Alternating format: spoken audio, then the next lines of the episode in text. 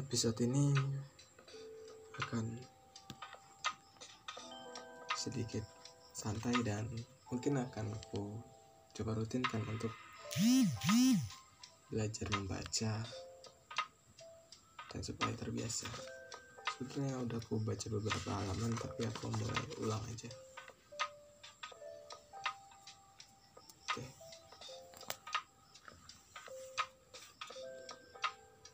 setengah satu. Biar ngantuk aja tujuannya.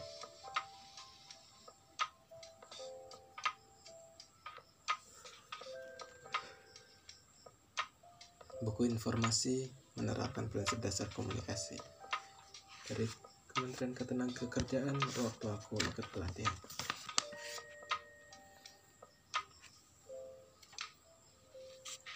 Buku ini beberapa kali ku baca dan sambil ku makih karena banyak tulisan yang kok bisa ada gitu. Ini kan tujuannya untuk melatih seseorang supaya paham. Sedangkan tulisannya aja sulit dipahami. Kelihatan banget kalau copy paste dari banyak sumber dan buruknya adalah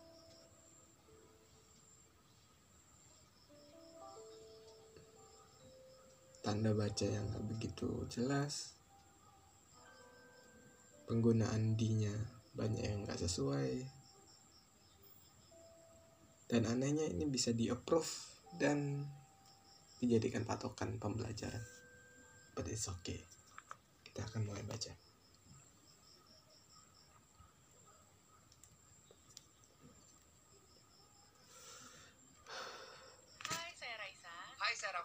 ada iklannya loh. Lewat kata, pena, dan suara podcast Dear Dearest jadi agak santai dulu waktu mendekatkan jarak. Setiap Rabu, Dear Dearest menampilkan satu surat yang ditulis penulis-penulis pilihan dibaca musisi, aktor, dan lainnya. Dengarkan podcast original Spotify Dear Dearest secara gratis atau download untuk mendengarkan offline. Hanya di Spotify. Ada lagi Kamu loh diundang untuk mencoba cara baru mendengarkan bersama Premium. Dengan Premium, kamu dapat terhubung ke speaker atau TV dan mendengarkan musik tanpa iklan. Dengan penyetelan yang mudah, kamu bisa terhubung ke perangkat yang kompatibel dan menikmati musik tanpa gangguan. Dengarkan on demand dan putar lagu apa pun, kapan pun, di mana pun. Upgrade sekarang untuk mengakses Premium. Ketuk banner untuk mempelajari selengkapnya. Huh, Oke oke kita mulai. Bab 1. Pendahuluan. A. Tujuan umum. Setelah mempelajari modul ini, peserta latih diharapkan mampu menerapkan prinsip dasar komunikasi dengan benar. B. Tujuan khusus. Adapun tujuan mempelajari unit kompetensi melalui buku informasi menerapkan prinsip dasar komunikasi ini guna memfasilitasi peserta latih sehingga pada akhir pelatihan diharapkan memiliki kemampuan sebagai berikut.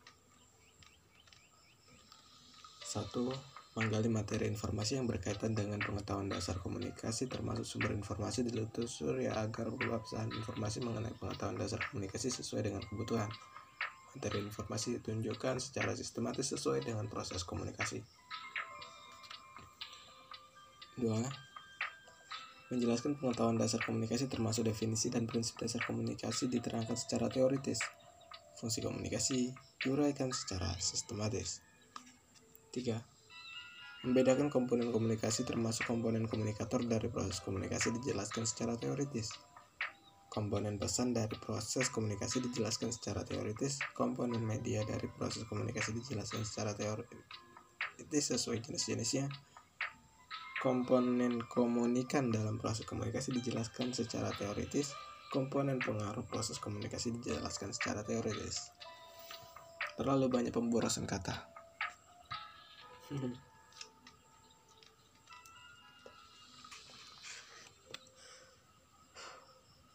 Empat, menerapkan pengetahuan dasar komunikasi visual. Termasuk definisi prinsip dasar komunikasi visual dijelaskan secara teoritis. Definisi dan prinsip dasar komunikasi visual dijelaskan secara teoritis. Bab 2. Menggali materi informasi yang berkaitan dengan pengetahuan dasar komunikasi. A. Pengetahuan yang diperlukan dalam menggali materi informasi yang berkaitan dengan pengetahuan dasar komunikasi. 1. Cara menelusuri sumber informasi agar keabsahan informasi mengenai pengetahuan dasar komunikasi sesuai dengan kebutuhan. Ada beberapa tahap yang dilakukan untuk menelusuri sumber informasi agar mendapatkan validitas informasi sesuai dengan kebutuhan. 1.1 Pencarian informasi atau storing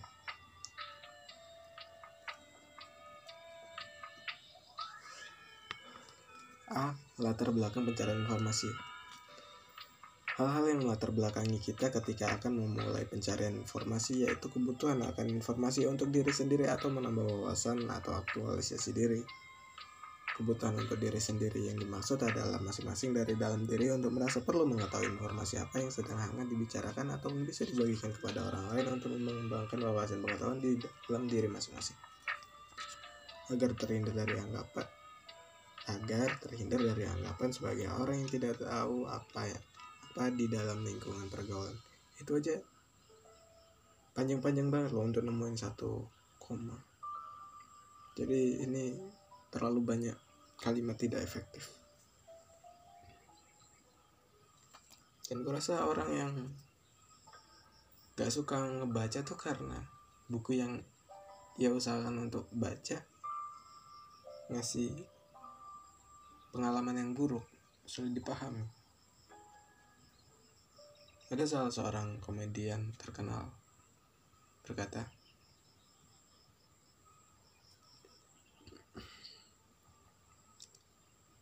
Kalau bercandaanmu itu hanya dipahami oleh orang-orang yang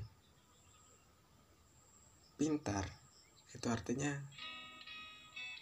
tidak begitu lucu. Akan tetapi, kalau dimengerti oleh semua kalangan, bahkan orang bodoh pun bisa paham, berarti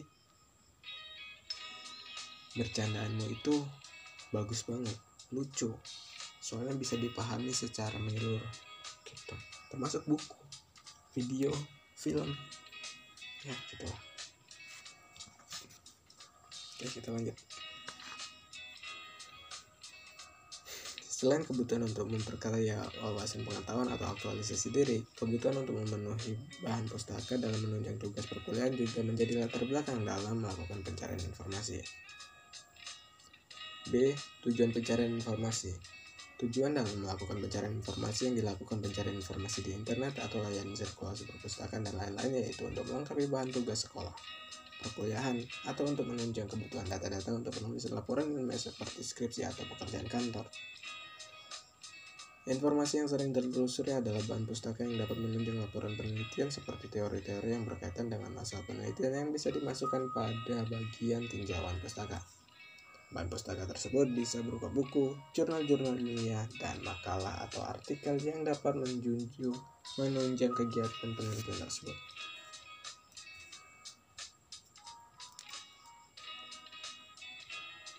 C. Pengetahuan penggunaan dan minat informasi pengguna.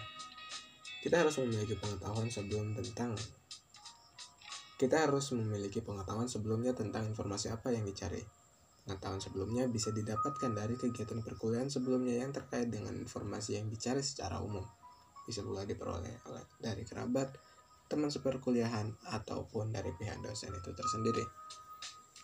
D. Persiapan ketika memulai pencarian informasi yaitu menyiapkan hal-hal yang sesuai dengan topik atau informasi yang dibutuhkan seperti menyiapkan keyword atau kata kunci bisa berupa judul buku atau jurnal, nama pengarang buku atau jurnal sesuai dengan informasi yang akan dicari dalam alamat situs internet yang akan ditelusuri. Lalu persiapan teknis seperti mempersiapkan alat tulis dan perangkat pendukung lainnya yang akan digunakan dalam penelusuran di layanan sirkulasi. Selain melakukan persiapan dalam melakukan penelusuran secara manual, terdapat pula perilaku ketika melakukan persiapan penelusuran secara online, seperti dengan searching melalui internet, seperti dengan searching melalui internet. Nah, gitu nadanya. Kalau untuk mengakhiri satu kalimat panjang.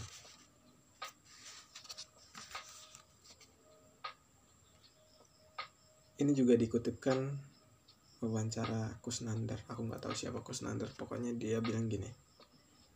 Ketika seseorang akan memulai penelusuran informasi, maka seseorang tersebut harus mengetahui apa yang akan ditelusuri, serta mampu mengetahui media mana yang akan digunakan dan kata kunci atau keyword apa yang akan digunakan. Maka dari itu, kemampuan literasi informasi harus dimiliki setiap pengguna agar informasi yang akan ditelusuri dapat ditemukan. 26 Juni 2012 Pukul 2.30 waktu Indonesia Barat 14.30 lebih tepatnya 2.1 Tahap kegiatan menuliskan hal-hal yang dianggap penting atau chaining Tahap chaining yang dikemukakan oleh Ellis mempunyai makna bahwa seseorang mulai Oke, kurang. Tahap chaining yang dikemukakan oleh Ellis. Oh, aku nggak tahu siapa Ellis ini. Aku udah baca buku ini dan Ellis itu nggak dijelaskan dia itu siapa. Tapi it's okay.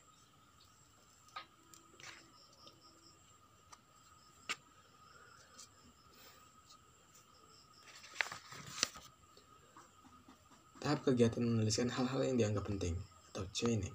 Tahap chaining yang dikemukakan oleh Alice mempunyai makna bahwa seseorang mulai menampakkan kegiatannya dengan mengikuti alur atau rantai yang menghubungkan antar bentuk bahan acuan dengan alat penelusuran berupa katalog dan sejenisnya.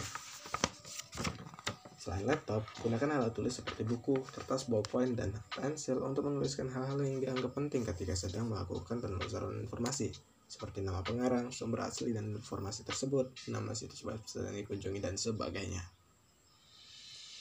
Hal-hal yang biasa dicatat untuk pedoman penelusuran informasi yang akan ditelusuri pengguna antara lain kata kunci atau keyword, nama judul buku atau judul jurnal, nama pengarang, alamat situs internet yang dikunjungi, serta waktu mengakses informasi tersebut. Sedangkan menurut bakar tentang chaining ini adalah Oh, Kusnandar itu ternyata chaining jadi dia bilang gini masih di wawancara yang sama. 26 Juni 2012 pukul 14.30 waktu Indonesia bagian Barat. Oke. Okay. dia ini pakar. Dia bilang gini jadi menelusur atau mengikuti catatan kaki kutipan-kutipan dari buku yang ada dari sumber yang dikenal bisa dikatakan kutipan itu rantai. Jadi mencari ikatan atau kaitan dengan sumber yang ada Misalkan saya mencari informasi mengenai information. Nih information seeking behavior behavior maka saya akan mencari sumber-sumber yang lain seperti buku-buku atau artikel-artikel lalu saya akan lihat ketertarikan keterkaitan atau hubungan tulisan-tulisan buku-buku dan sumber-sumber yang saya punya dan daftar pustaka yang ada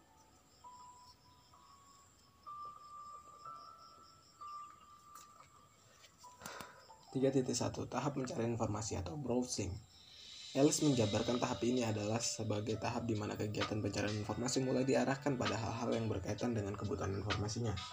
Dengan kata lain, pada tahap ini dilakukan dengan merawat, mengembara, tetapi dengan agak terarah di wilayah-wilayah yang dianggap punya potensi. Buat teman-teman yang belum tahu, merawat itu artinya secara tidak teratur. Kita mencari gitu itu ada di kamus besar bahasa Indonesia. Kalau bahasa Minangkabau tuh artinya meneriakkan sesuatu pakai alat gitu.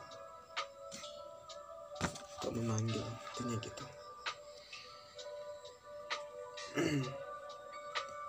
Oke lanjut. Aku nggak tahu ini kayak gimana tulisannya tapi Pada faktanya, dalam satu paragraf diawali dengan yaitu dan ya gitunya itu y-nya huruf kecil. Tapi kita nggak tahu ini ya itu tuh dari pembahasan apa mungkin sebelumnya. Anggap aja benar. tanpa iklan. Dengarkan dan putar terus tanpa gangguan iklan. Kesempatan terakhir untuk mendapatkan 3 bulan premium hanya Rp54.990. Ketuk banner untuk selengkapnya.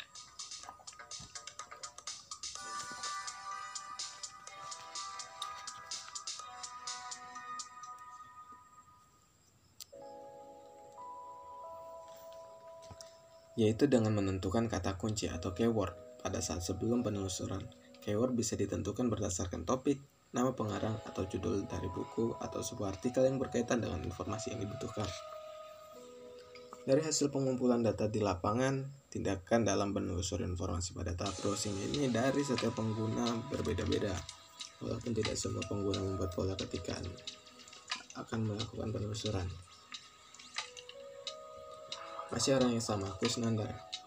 Beliau bilang seperti ini. Browsing. Dari bahan-bahan yang sudah saya peroleh, saya coba telusur boleh jadi saya telusur rantainya. Oh, ada juga kari ya yang relevan dari buku anu tadinya saya dapat dari buku ini dari buku itu dapat rujukan buku anu yang bicara tentang information seeking behavior saya cari buku itu browsing kan namanya jadi semakin kaya dong sumber saya selain yang tadinya cuma dari satu buku oh ternyata ada di jurnal ini ada di jurnal itu. Itu kan tindakan browsingnya pencariannya. Kalimatnya sungguh tidak efektif, tidak mencerminkan seorang pakar. Maaf, ya kan bisa pakai buku A, buku B untuk menunjukkan beberapa hal berbeda dalam satu bentuk. Bentuknya ya buku, tapi beda-beda ya. Entahlah.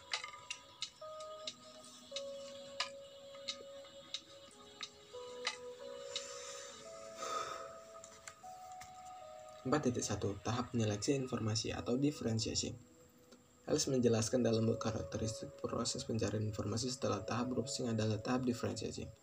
Pada tahap differentiation, Alice menjelaskan bahwa pencarian informasi mulai menggunakan sumber-sumber yang beraneka ragam dengan maksud untuk menyeleksi dan menguji secara kualitas dari informasi yang dibutuhkannya.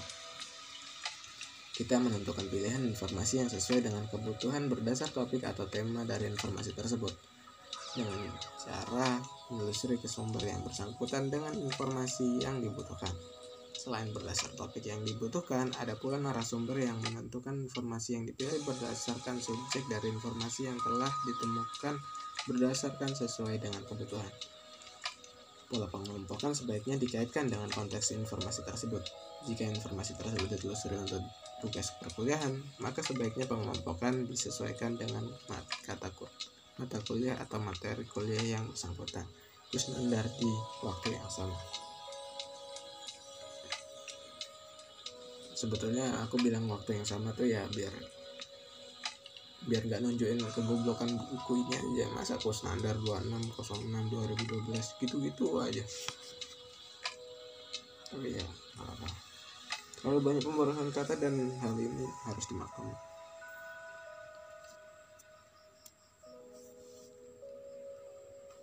Dan bisa diringankan gitu biar nggak apa sih males banget baca ini lagi ke 5.1 tahap mengupdate informasi atau monitoring.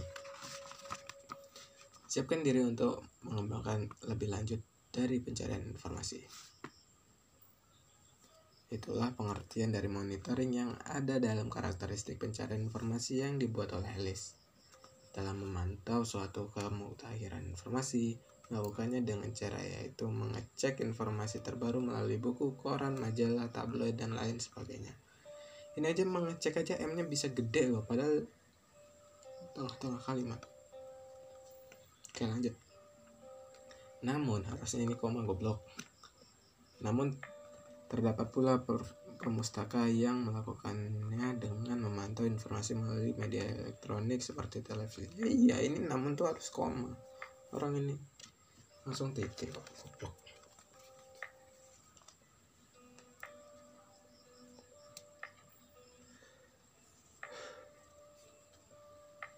Oke lanjut Dari hasil pengumpulan di lapangan dalam mengupdate atau memantau suatu informasi kita akan mampu melihat karakteristik informasi mutakhir 6.1 Tahap mengambil informasi atau extraction dalam tahap ekstraksi ini, Alice mengungkapkan bahwa pada tahap ini pencarian informasi lebih sistematis. Kegiatannya hanya dilakukan melalui sumber-sumber khusus untuk mengelompokkan bahan-bahan yang menjadi minatnya. Ketika informasi atau data yang ditemukan akan diambil, Jika memang data tersebut dapat diunduh atau di-download, maka kita akan mengunduhnya dan langsung menyimpannya di folder yang telah diberi nama. Jika data yang tersedia tidak dapat diunduh atau download, maka data tersebut akan dicatat atau dikutip di buku atau kertas yang sudah mereka persiapkan tanpa lupa mencatat sumber asli dari data tersebut. Dalam menguraikan informasi, kita dapat menyesuaikan berdasarkan jenis informasi dengan cara yang tepat.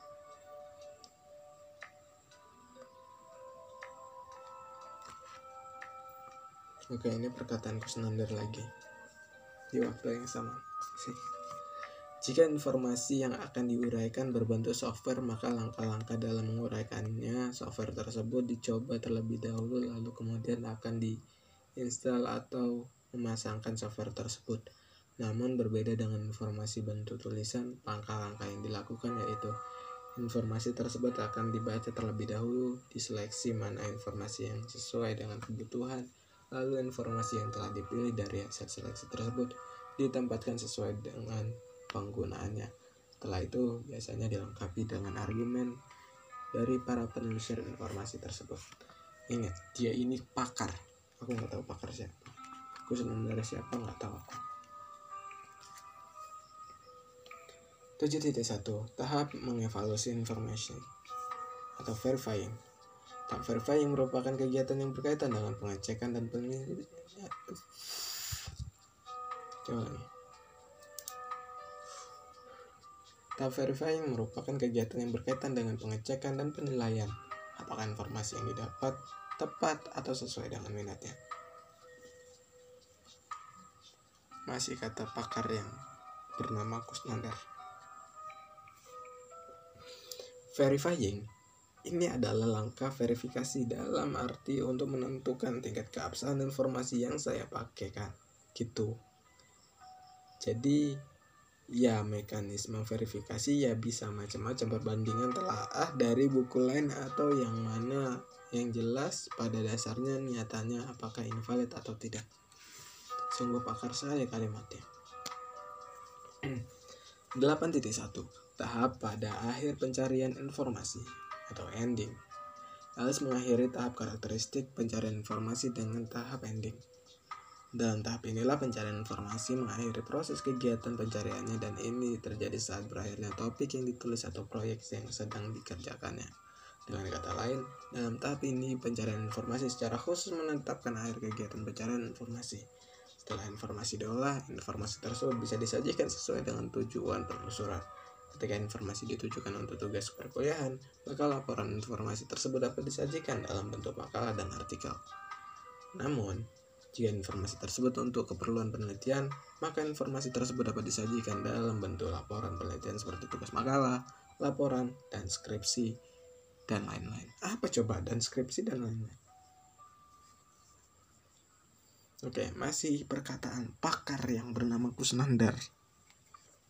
Ending, mengakhiri artinya saya sudah yakin 100% informasi yang saya butuhkan sudah saya peroleh dan ending ini bisa saja dikaitkan dengan pemenuhan tugas pementasan pembuatan tulisan. Oke. Jebung. Jangan lupa dengerin podcast gue Capek Mikir with Jebung. Di sini gue bakal ngomongin soal suka-suka gue pokoknya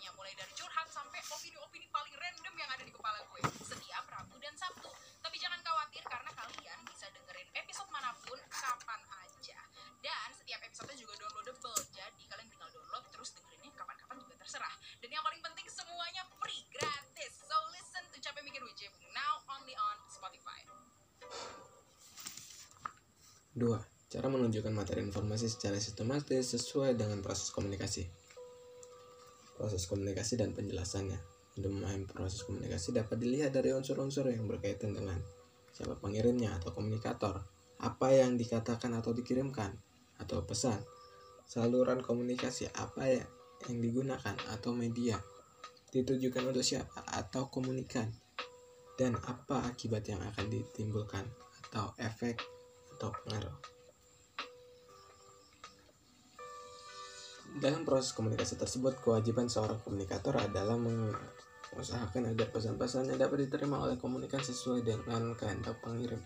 Model proses komunikasi secara umum dapat memberikan gambaran kepada pengelola organisasi bagaimana memengaruhi atau mengubah sikap anggota stakeholdernya melalui desain dan implementasi komunikasi. Dalam hal ini, pengiriman atau sumber pesan bisa individu atau berupa organisasi sebagai mana dapat dilihat dalam gambar proses komunikasi di bawah. Ini kelihatan banget nyuri dari internet dan sumbernya itu tertulis Kotler 2000 551 model proses komunikasi. Gambarnya ya kota-kota gitu dari sender ke encoding terus message media decoding receiver terus ada response feedback dan semuanya sangat berkemungkinan ter- terkena noise gitu. Gangguan lah. Mungkin aja salah paham gara-gara ada apa-apa ya. Mungkin gara-gara itu ya. Oke kita lanjut.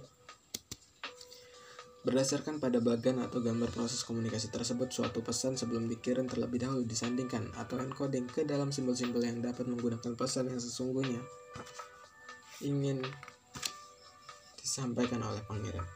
Apa pun simbol yang dipergunakan, tujuan utama dari pengirim adalah menyediakan pesan dengan suatu cara yang dapat memaksimalkan kemungkinan di mana penerima dan menginterpretasikan maksud yang diinginkan pengirim dalam suatu cara yang tepat. Pesan dari komunikator akan dikirimkan kepada penerima melalui suatu saluran atau media tertentu. Pesan yang diterima oleh penerima melalui simbol-simbol selanjutnya akan ditransformasikan kembali atau decoding menjadi bahasa yang dimengerti sesuai dengan pikiran pen sehingga pikiran penerima sehingga menjadi pesan yang diharapkan atau perceived message. Hasil akhir yang diharapkan dari proses komunikasi yakni supaya tindakan ataupun perubahan sikap penerima sesuai dengan keinginan pengirim. Akan tetapi, harusnya koma, makna suatu pesan dipengaruhi bagaimana penerimaan merasakan itu sesuai konteksnya. Oleh sebab itu, tindakan atau perubahan sikap selalu didasarkan atas pesan yang dirasakan.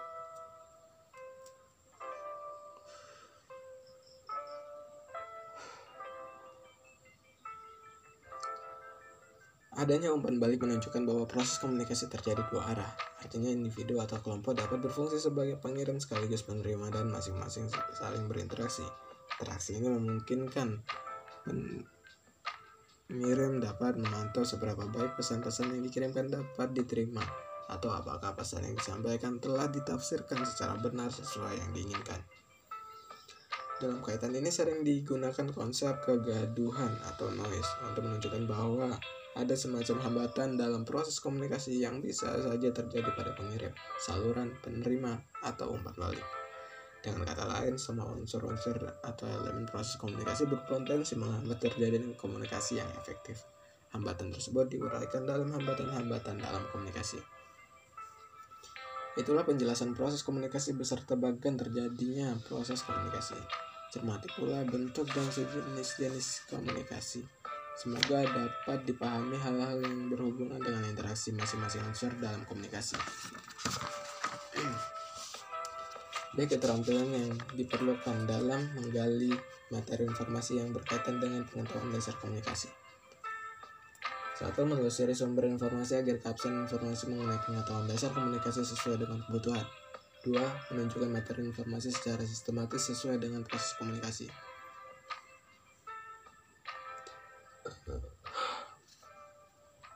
C. Sikap kerja yang diperlukan dalam menggali materi informasi yang berkaitan dengan pengetahuan dasar komunikasi.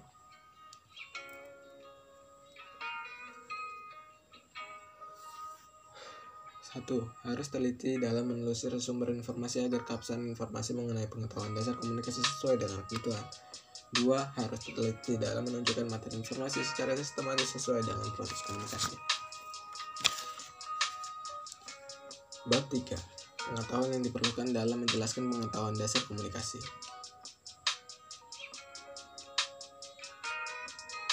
Satu, cara menerangkan secara teoritis definisi dan prinsip dasar komunikasi. A. Pengertian komunikasi. Sebelum kita memahami bagaimana prinsip dasar komunikasi lebih jauh, kita perlu terlebih dahulu memahami apa yang dimaksud dengan komunikasi itu sendiri. Satu menurut bahasa, kata komunikasi berasal dari bahasa Inggris communicate, artinya menghubungkan, berhubungan dengan. Kenapa nggak ada perincian dari KBBI gitu? Eh, kenapa?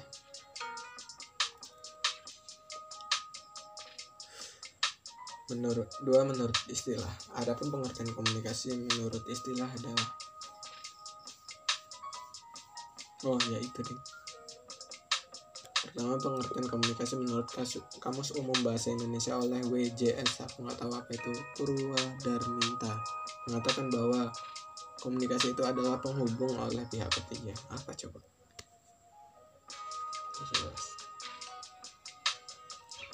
Ini buku yang penting isi yang penting isi. Ya karena baca sekilas dan penyeleksinya pun sulit diharapkan terus ada lagi pengertian komunikasi menurut ensiklopedia. Penyelenggaraan tata hubungan kegiatan menyampaikan warta dari suatu pihak ke pihak lain dalam suatu organisasi atau instansi.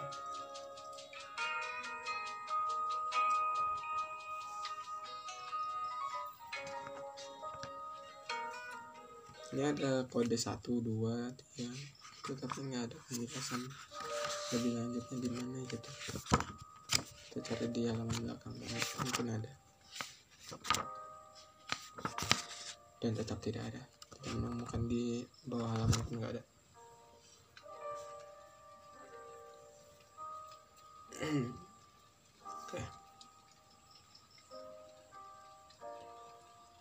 Dari beberapa pengertian di atas, maka dapat disimpulkan bahwa komunikasi adalah suatu proses penyampaian berita dari suatu pihak ke pihak lain dengan mempergunakan suatu sarana untuk mendapatkan saling pengertian antara kedua belah pihak.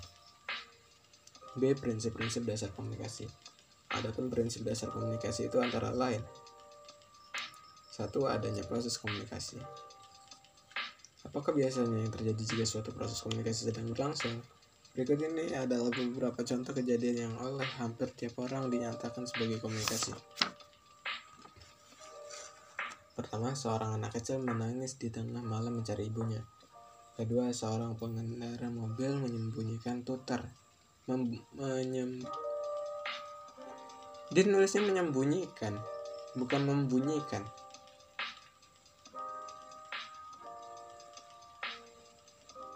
Menyembunyikan kan berarti mengumpatkan membuatnya tidak diketahui oleh orang lain.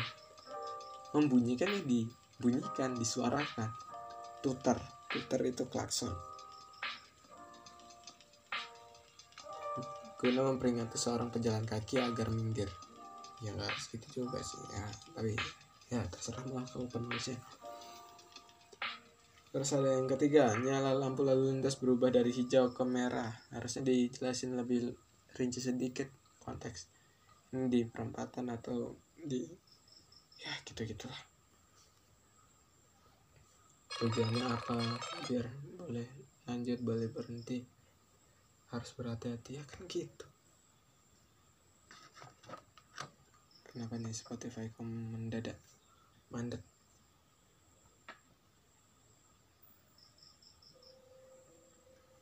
Oke lanjut. Dalam semua contoh di atas, pihak-pihak yang berpartisipasi atau dengan kata lain yang turut mengambil bagian dalam proses komunikasi saling memanfaatkan atau berbagi informasi. Unsur dasar dalam komunikasi adalah informasi. Proses yang mendasar dalam komunikasi adalah penggunaan bersama atau dengan kata lain ada yang memberi informasi atau mengirim dan ada yang menerima informasi. Hmm.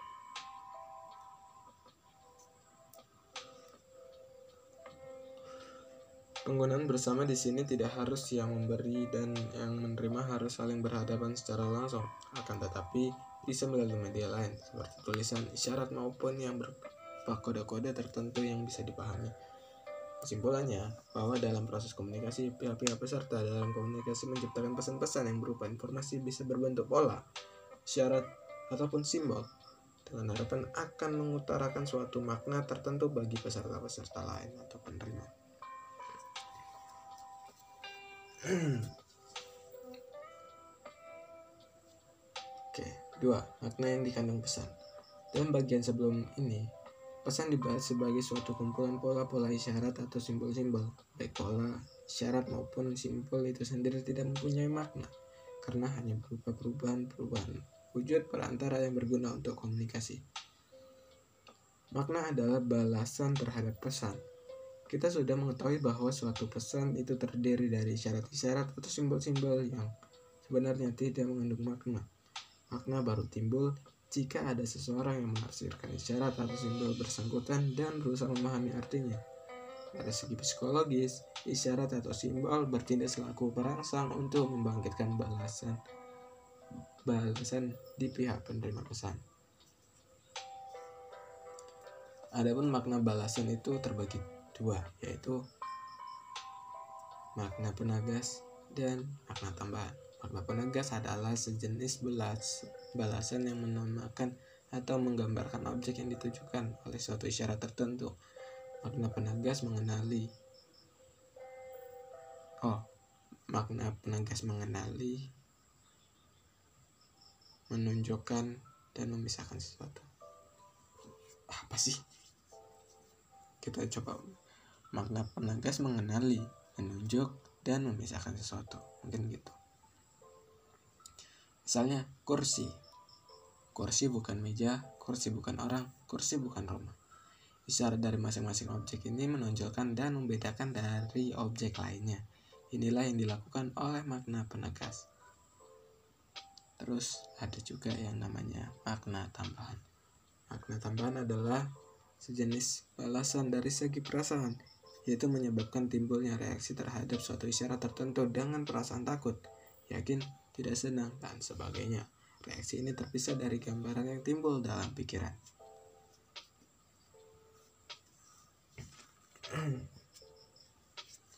model umpan bal oh tiga menunjuk suatu model proses komunikasi yang umum dan memusat ada tiga model dalam proses komunikasi yaitu model umpan balik.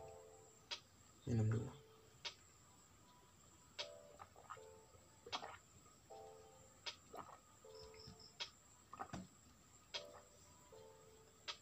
Model umpan balik. Istilah umpan balik sering dipergunakan bagi informasi yang didapat kembali oleh sumber dari penerima tujuan. Umpan balik ini adalah guna menilai pengaruh pesannya untuk melihat sampai seberapa jauhkah si penerima memahami makna yang ada pada diri sumber mengenai pesan yang digunakan bersama. Umpan balik ini dapat berupa wajah penerima yang kelihatan bingung atau berupa pulangnya kembali seseorang. Atau atau berupa pulangnya kembali seorang pasien dalam waktu satu bulan ke klinik. Mengikuti petunjuk untuk mendapatkan satu set pil anti hamil lagi kadang-kadang umpan balik terlambat sekali datangnya. Misalnya jika pasien baru datang kembali. Misalnya jika pasien baru datang kembali beberapa bulan kemudian tetapi dalam keadaan hamil ke, ke Bali ke Bali kembali. Ah, entahlah kalimatnya nggak jelas bangsa. Kadang-kadang sama sekali tidak terdapat umpan balik atau kalaupun datang sudah tidak berguna lagi. Misalnya jika bom yang hendak diamankan meletus ketika sumbu ledaknya dicabut. Jika pihak yang diajak berkomunikasi tidak atau kurang memahami maksud kita susunlah sandi yang mirip dengan masalah tetapi berlainan wujudnya agar jangan sampai pemahamannya tidak mencar aku sama sekali nggak paham oke lanjut model timbal balik pada model timbal balik proses komunikasi tidak hanya terbatas pada penerimaan sumber terhadap informasi mengenai pengaruh pesan atau umpan balik pada diri penerima. Proses komunikasi ini tidak terhenti sesudah umpan balik, melainkan berbalik kembali ke peserta pertama dan di pihak pertama ini menyusun pesan yang baru lagi. Jadi ingkarannya berulang kembali. Ingkar, ah, entahlah. Lanjut lagi, model komunikasi yang memusat. Model komunikasi yang memusat mirip wujudnya dengan model dua tahap. Akan tetapi pada model komunikasi yang memusat perubahan arah yang diambil oleh peserta-peserta bergerak melingkar dan adanya pengertian bersama sebagai hasil akhir dalam proses komunikasi. Di sini pengertian bersama diperlakukan sebagai arah yang ideal atau sebagai hasil akhir yang ideal dalam proses komunikasi. Dua cara menguraikan fungsi komunikasi secara sistematis. Komunikasi adalah suatu proses. Komunikasi merupakan serangkaian tindakan atau peristiwa yang terjadi secara beruntun berurutan. Komunikasi adalah upaya yang sengaja, yang disengaja dan punya tujuan atau dilakukan dalam keadilan keadaan saat sadar.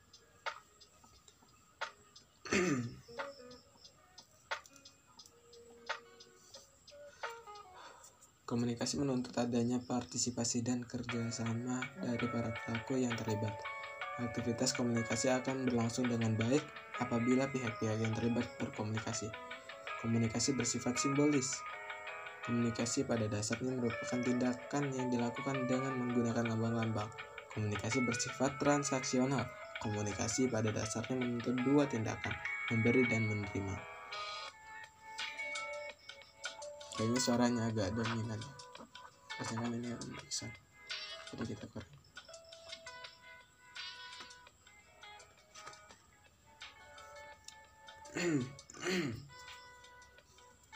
Komunikasi menembus faktor ruang dan waktu. Komunikasi menembus faktor waktu dan ruang maksudnya bahwa para peserta atau pelaku yang terlibat dalam komunikasi tidak harus hadir pada waktu serta tempat yang sama.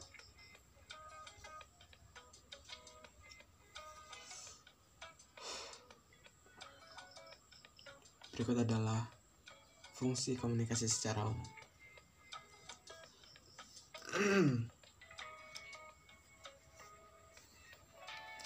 Satu, dapat menyampaikan pikiran atau perasaan.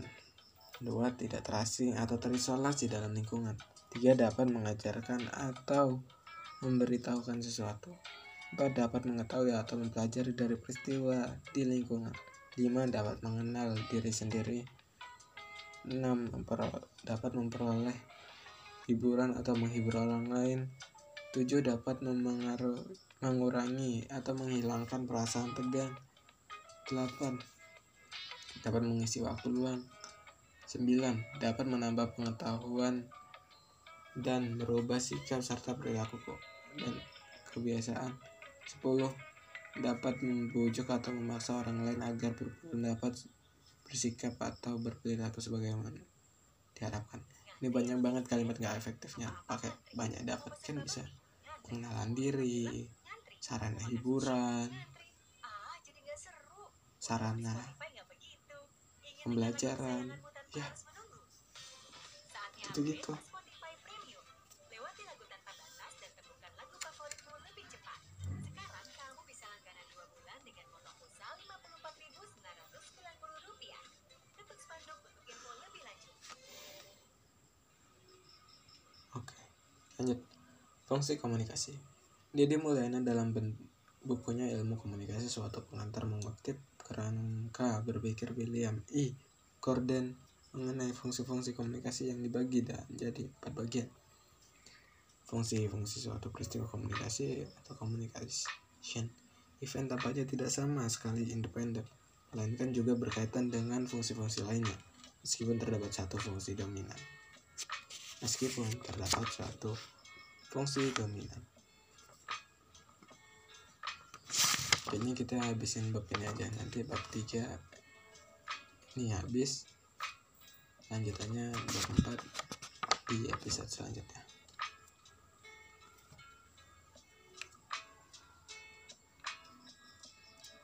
A. Fungsi komunikasi sosial Komunikasi itu penting membangun konsep diri kita aktualisasi diri, kelangsungan hidup untuk memperoleh kebahagiaan, terhindar dari tekanan.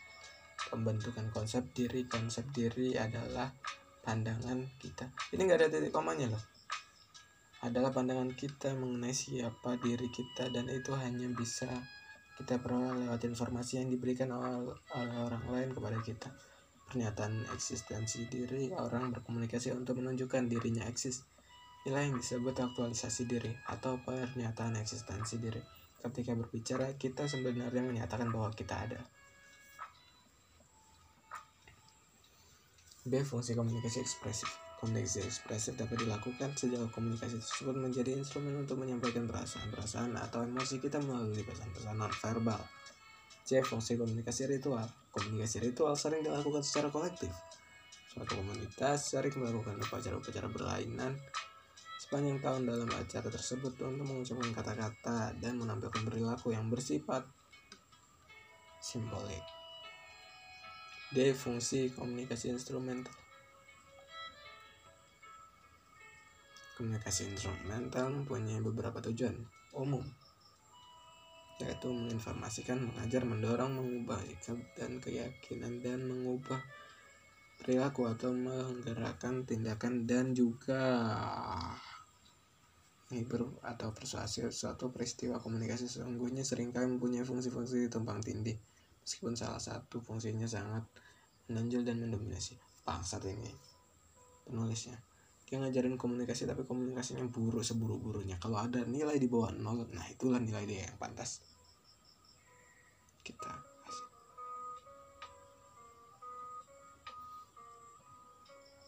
masa dia pakai kata dan itu se- sebanyak tiga kali? Dan itu belum jumpa ju koma semuanya ya lanjut aja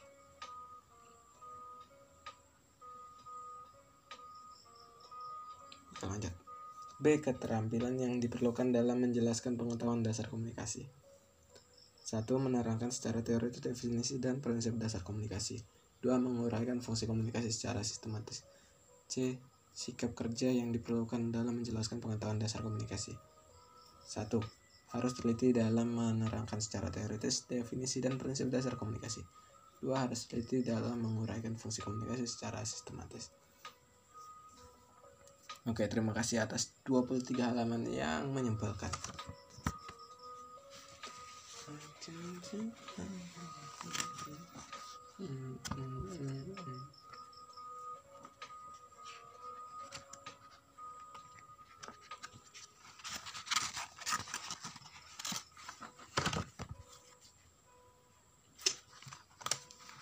Oke, bisa lanjut lagi di bab 4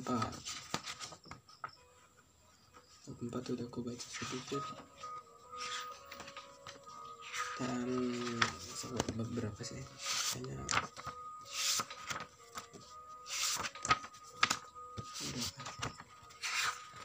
jadi masih pembahasan komunikasi ya. Selanjutnya bakal ada menerapkan pengetahuan dasar komunikasi visual. Gitu gitu.